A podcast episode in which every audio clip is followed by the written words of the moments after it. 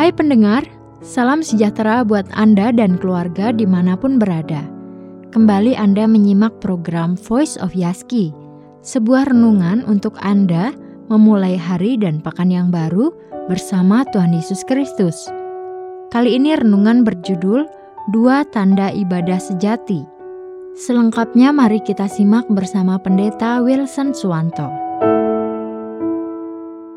Saudara yang terkasih, Yakobus 1 ayat 26 dan 27 mengatakan, Jikalau ada seorang menganggap dirinya beribadah, tetapi dia tidak mengekang lidahnya, ia menipu dirinya sendiri, maka sia-sialah ibadahnya. Ibadah yang murni dan yang tak bercacat di hadapan Allah, Bapa kita, ialah mengunjungi yatim piatu dan janda-janda dalam kesusahan mereka, dan menjaga supaya dirinya sendiri tidak dicemarkan oleh dunia.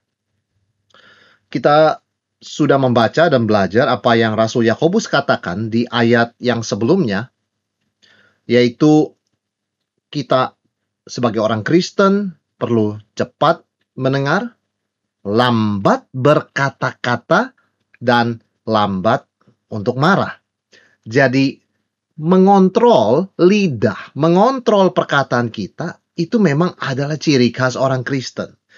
Dia bebas berbicara, tetapi dia mempunyai batasan sehingga dia tidak sembarangan berbicara. Lambat untuk berkata-kata. Dan itu di ayat yang ke-19.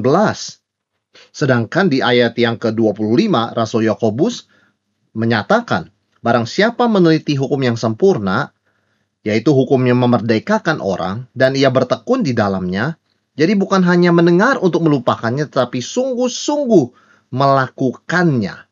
Maka satu ekspresi kita melakukan atau mempraktekkan iman Kristen adalah di dalam mengontrol lidah kita. Perkataan itu merupakan sumber banyak masalah. Yesus sendiri mengatakan bahwa bukan apa yang kita makan yang menajiskan kita, tetapi apa yang keluar dari hati yang kita nyatakan dengan mulut kita, itulah yang menajiskan. Karena dari kelimpahan hati, mulut kita berbicara. Oleh sebab itu, kita harus mengontrol perkataan kita, karena memang di dalam hati kita ada pertempuran antara keinginan roh dengan keinginan daging. Kalau kita tidak mengontrol lidah, maka dengan mudah sekali keinginan daging, kesenangan dunia akan keluar dari kata-kata kita yang kemudian kita akan sesali dan sadari itu adalah sesuatu yang salah.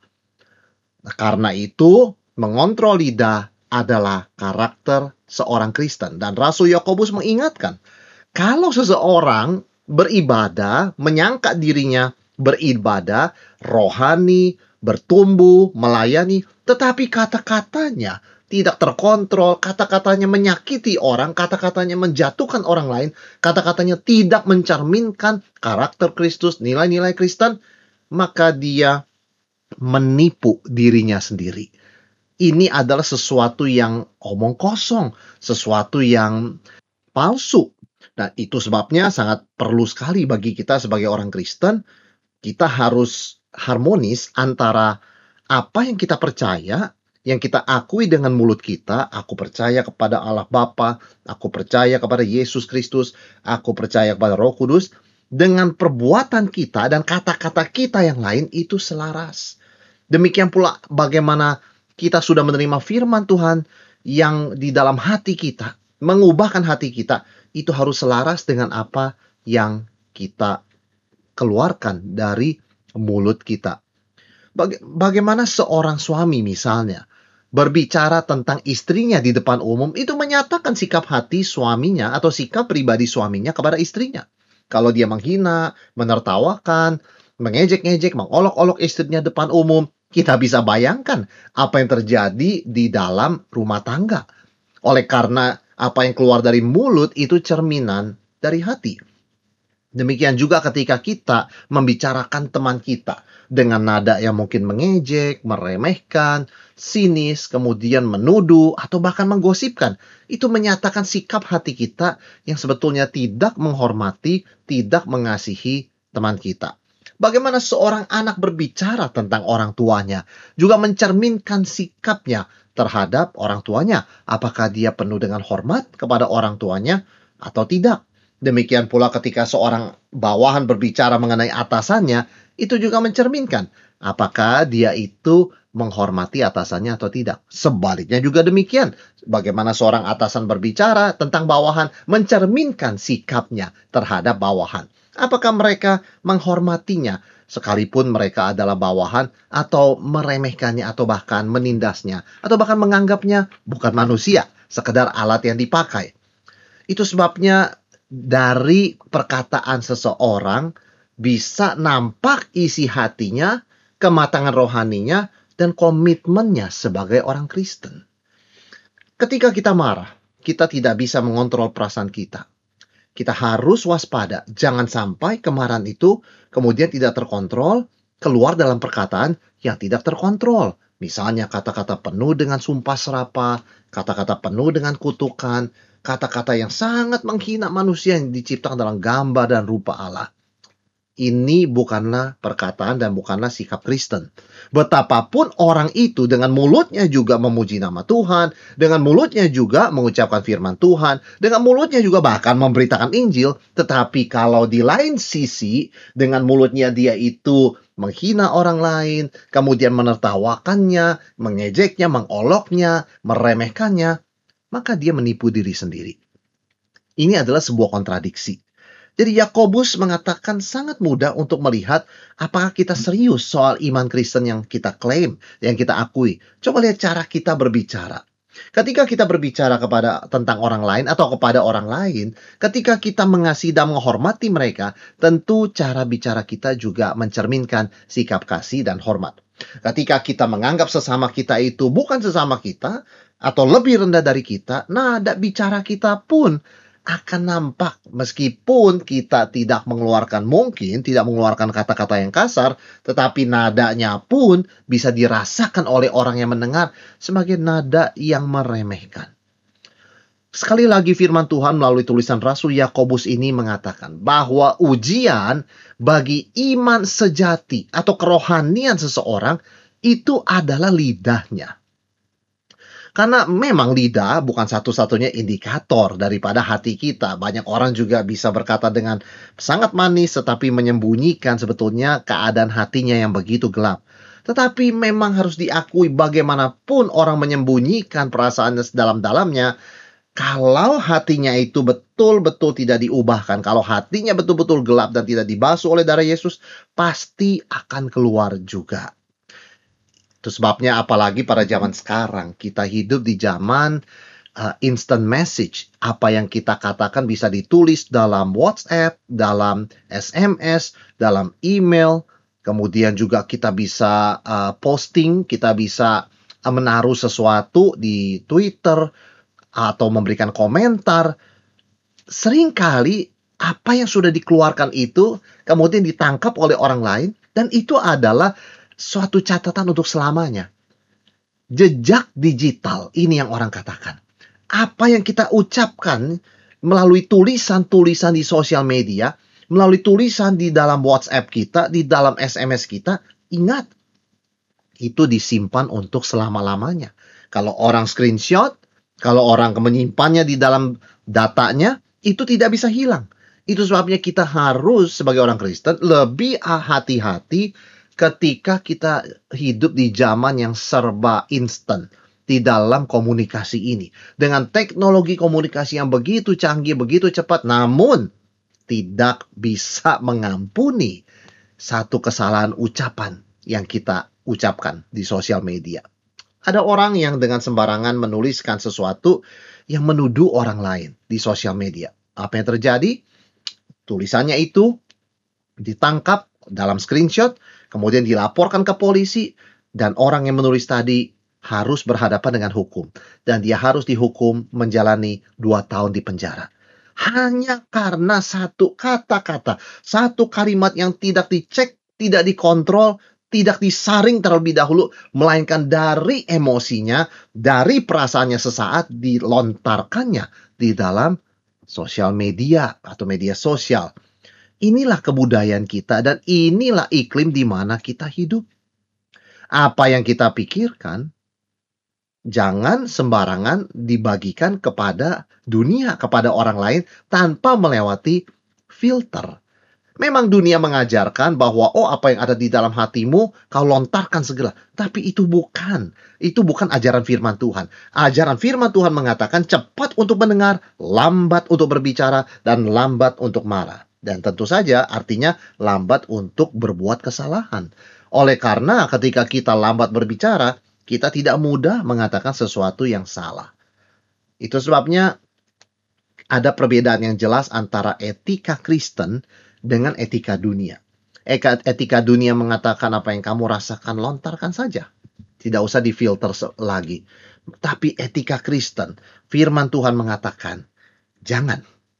Kamu harus sungguh-sungguh pikirkan, kamu harus sungguh-sungguh renungkan. Apakah perkataan ini memuliakan Tuhan?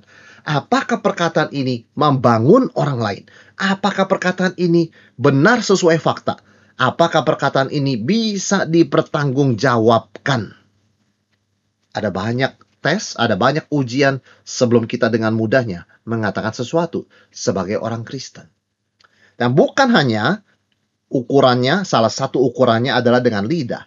Ukuran yang kedua yang Yakobus sebutkan mengenai kerohanian seseorang adalah kerelaan untuk melayani dan berkorban.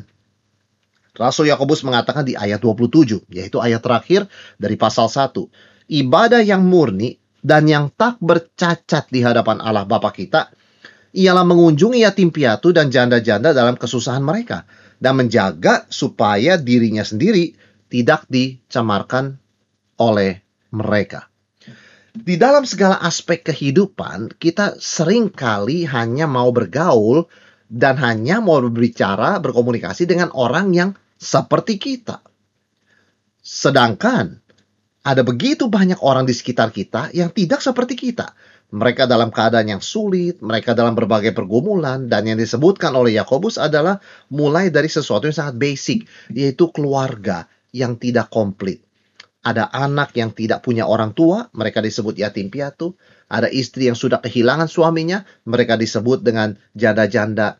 Dan pada waktu itu dan tentu saja sama seperti zaman sekarang, kehilangan suami atau kehilangan ayah dan ibu bukan hanya punya konsekuensi secara secara moral dan secara emosional bagaimana seorang anak itu sedih karena tidak punya orang tua, kehilangan orang tuanya atau seorang istri sedih kehilangan suaminya, tetapi juga secara ekonomi kehidupan mereka menjadi sangat sulit.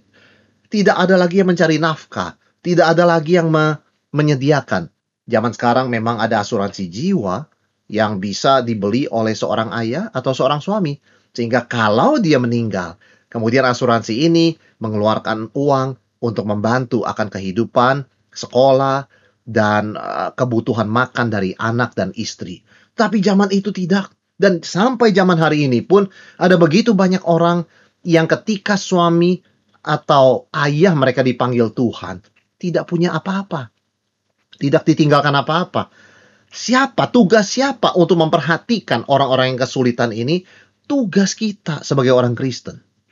Kalau kita orang Kristen, dan ini kata firman Tuhan yang dituliskan oleh Rasul Yakobus, kalau kita orang Kristen yang sungguh mengenal Tuhan, mengasihi Tuhan, beribadah dan rohani, maka kita terpanggil, kita pasti terbeban untuk menolong. Kalau kita tidak peduli, kalau kita pura-pura tidak melihat, maka sekali lagi, seperti Yakobus katakan, klaim kita bahwa kita orang Kristen itu kosong dan bohong. Dan kemudian juga praktek agama, praktek ibadah kita di hadapan Tuhan tidak berkenan dan tidak diterima di hadapannya.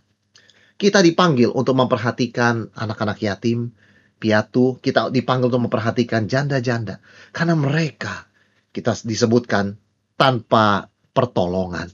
Mereka berada dalam suatu situasi yang sangat rentan mereka rentan secara ekonomi, mereka rentan secara sosial, mereka rentan secara psikologi, bahkan mereka rentan secara rohani. Firman Tuhan mengajarkan bahwa Allah adalah pembela dan pelindung orang-orang yang tertindas, yaitu salah satunya janda-janda dan anak yatim. Dan Tuhan menyediakannya. Dan bagaimana Tuhan menyediakan untuk orang-orang yang mempunyai di dalam kesulitan ini, yaitu dengan memakai kita umatnya yang diberikan kelebihan. Ada begitu banyak orang, ada begitu banyak anak yang tidak pernah mencicipi, tidak merasakan bertumbuh besar dalam bimbingan kasih orang tua. Karena orang tua mereka sudah tidak ada. Ada begitu banyak istri yang tidak lagi merasakan perlindungan dan penyediaan nafkah oleh suaminya karena suaminya sudah dipanggil oleh Tuhan. Atau bahkan ada yang suaminya meninggalkan dia. Hanya seperti itu. Dan ini orang-orang ini bukan jauh dari kita. Mereka ada di sekitar kita. Itu sebabnya kalau kita membuka mata dan kita membuka hati dan kita membuka tangan kita, maka kita akan melihat bagaimana kita sungguh-sungguh mempraktikkan iman Kristen. Coba lihat sekeliling kita. Coba dengan jujur hitung. Siapa orang-orang yang masuk kategori anak yatim dan janda-janda dalam kehidupan saudara? Dalam kehidupan saya. Merekalah orang-orang yang Tuhan panggil kita untuk tolong, untuk layani, untuk membantu mereka dalam kesulitan mereka. Karena Tuhan adalah pembela janda-janda dan anak yatim. Dan Tuhan memakai kita sebagai umatnya untuk menjadi saluran berkat dan pertolongan bagi mereka. Dan ingat, ini adalah ujian, ini adalah satu tanda apakah seorang Kristen boleh disebut orang Kristen yang sejati. Jadi di dalam dua ayat terakhir dari Yakobus pasal pertama ini ada dua ukuran, ada dua tes yang sangat simpel untuk menyatakan apakah seseorang itu orang Kristen sejati. Yang pertama, lidahnya. Apakah dia mengontrol perkataannya dengan baik? Apakah dia mengucapkan kata-kata yang membangun dan sungguh-sungguh dia pikirkan bahwa perkataan ini sesuai firman Tuhan, sesuai fakta, membangun orang lain, dan memuliakan nama Tuhan. Yang kedua bukan hanya lidah, tetapi kerelaan kita menolong orang yang susah. Khususnya anak yatim dan janda-janda. Orang-orang yang tidak kelihatan dalam radar kehidupan kita sehari-hari, namun sebetulnya sangat dekat dengan kita.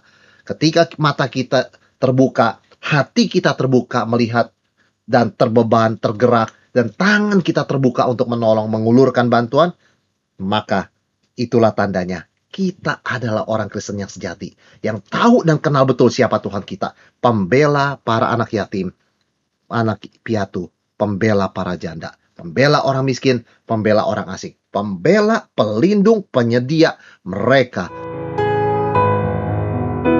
Demikian Voice of Yaski bersama Pendeta Wilson Suwanto berjudul Dua Tanda Ibadah Sejati. Anda dapat kembali menikmati atau bahkan membagikan renungan ini melalui akun Spotify Voice of Yaski atau kunjungi podcast.yaski.co.id.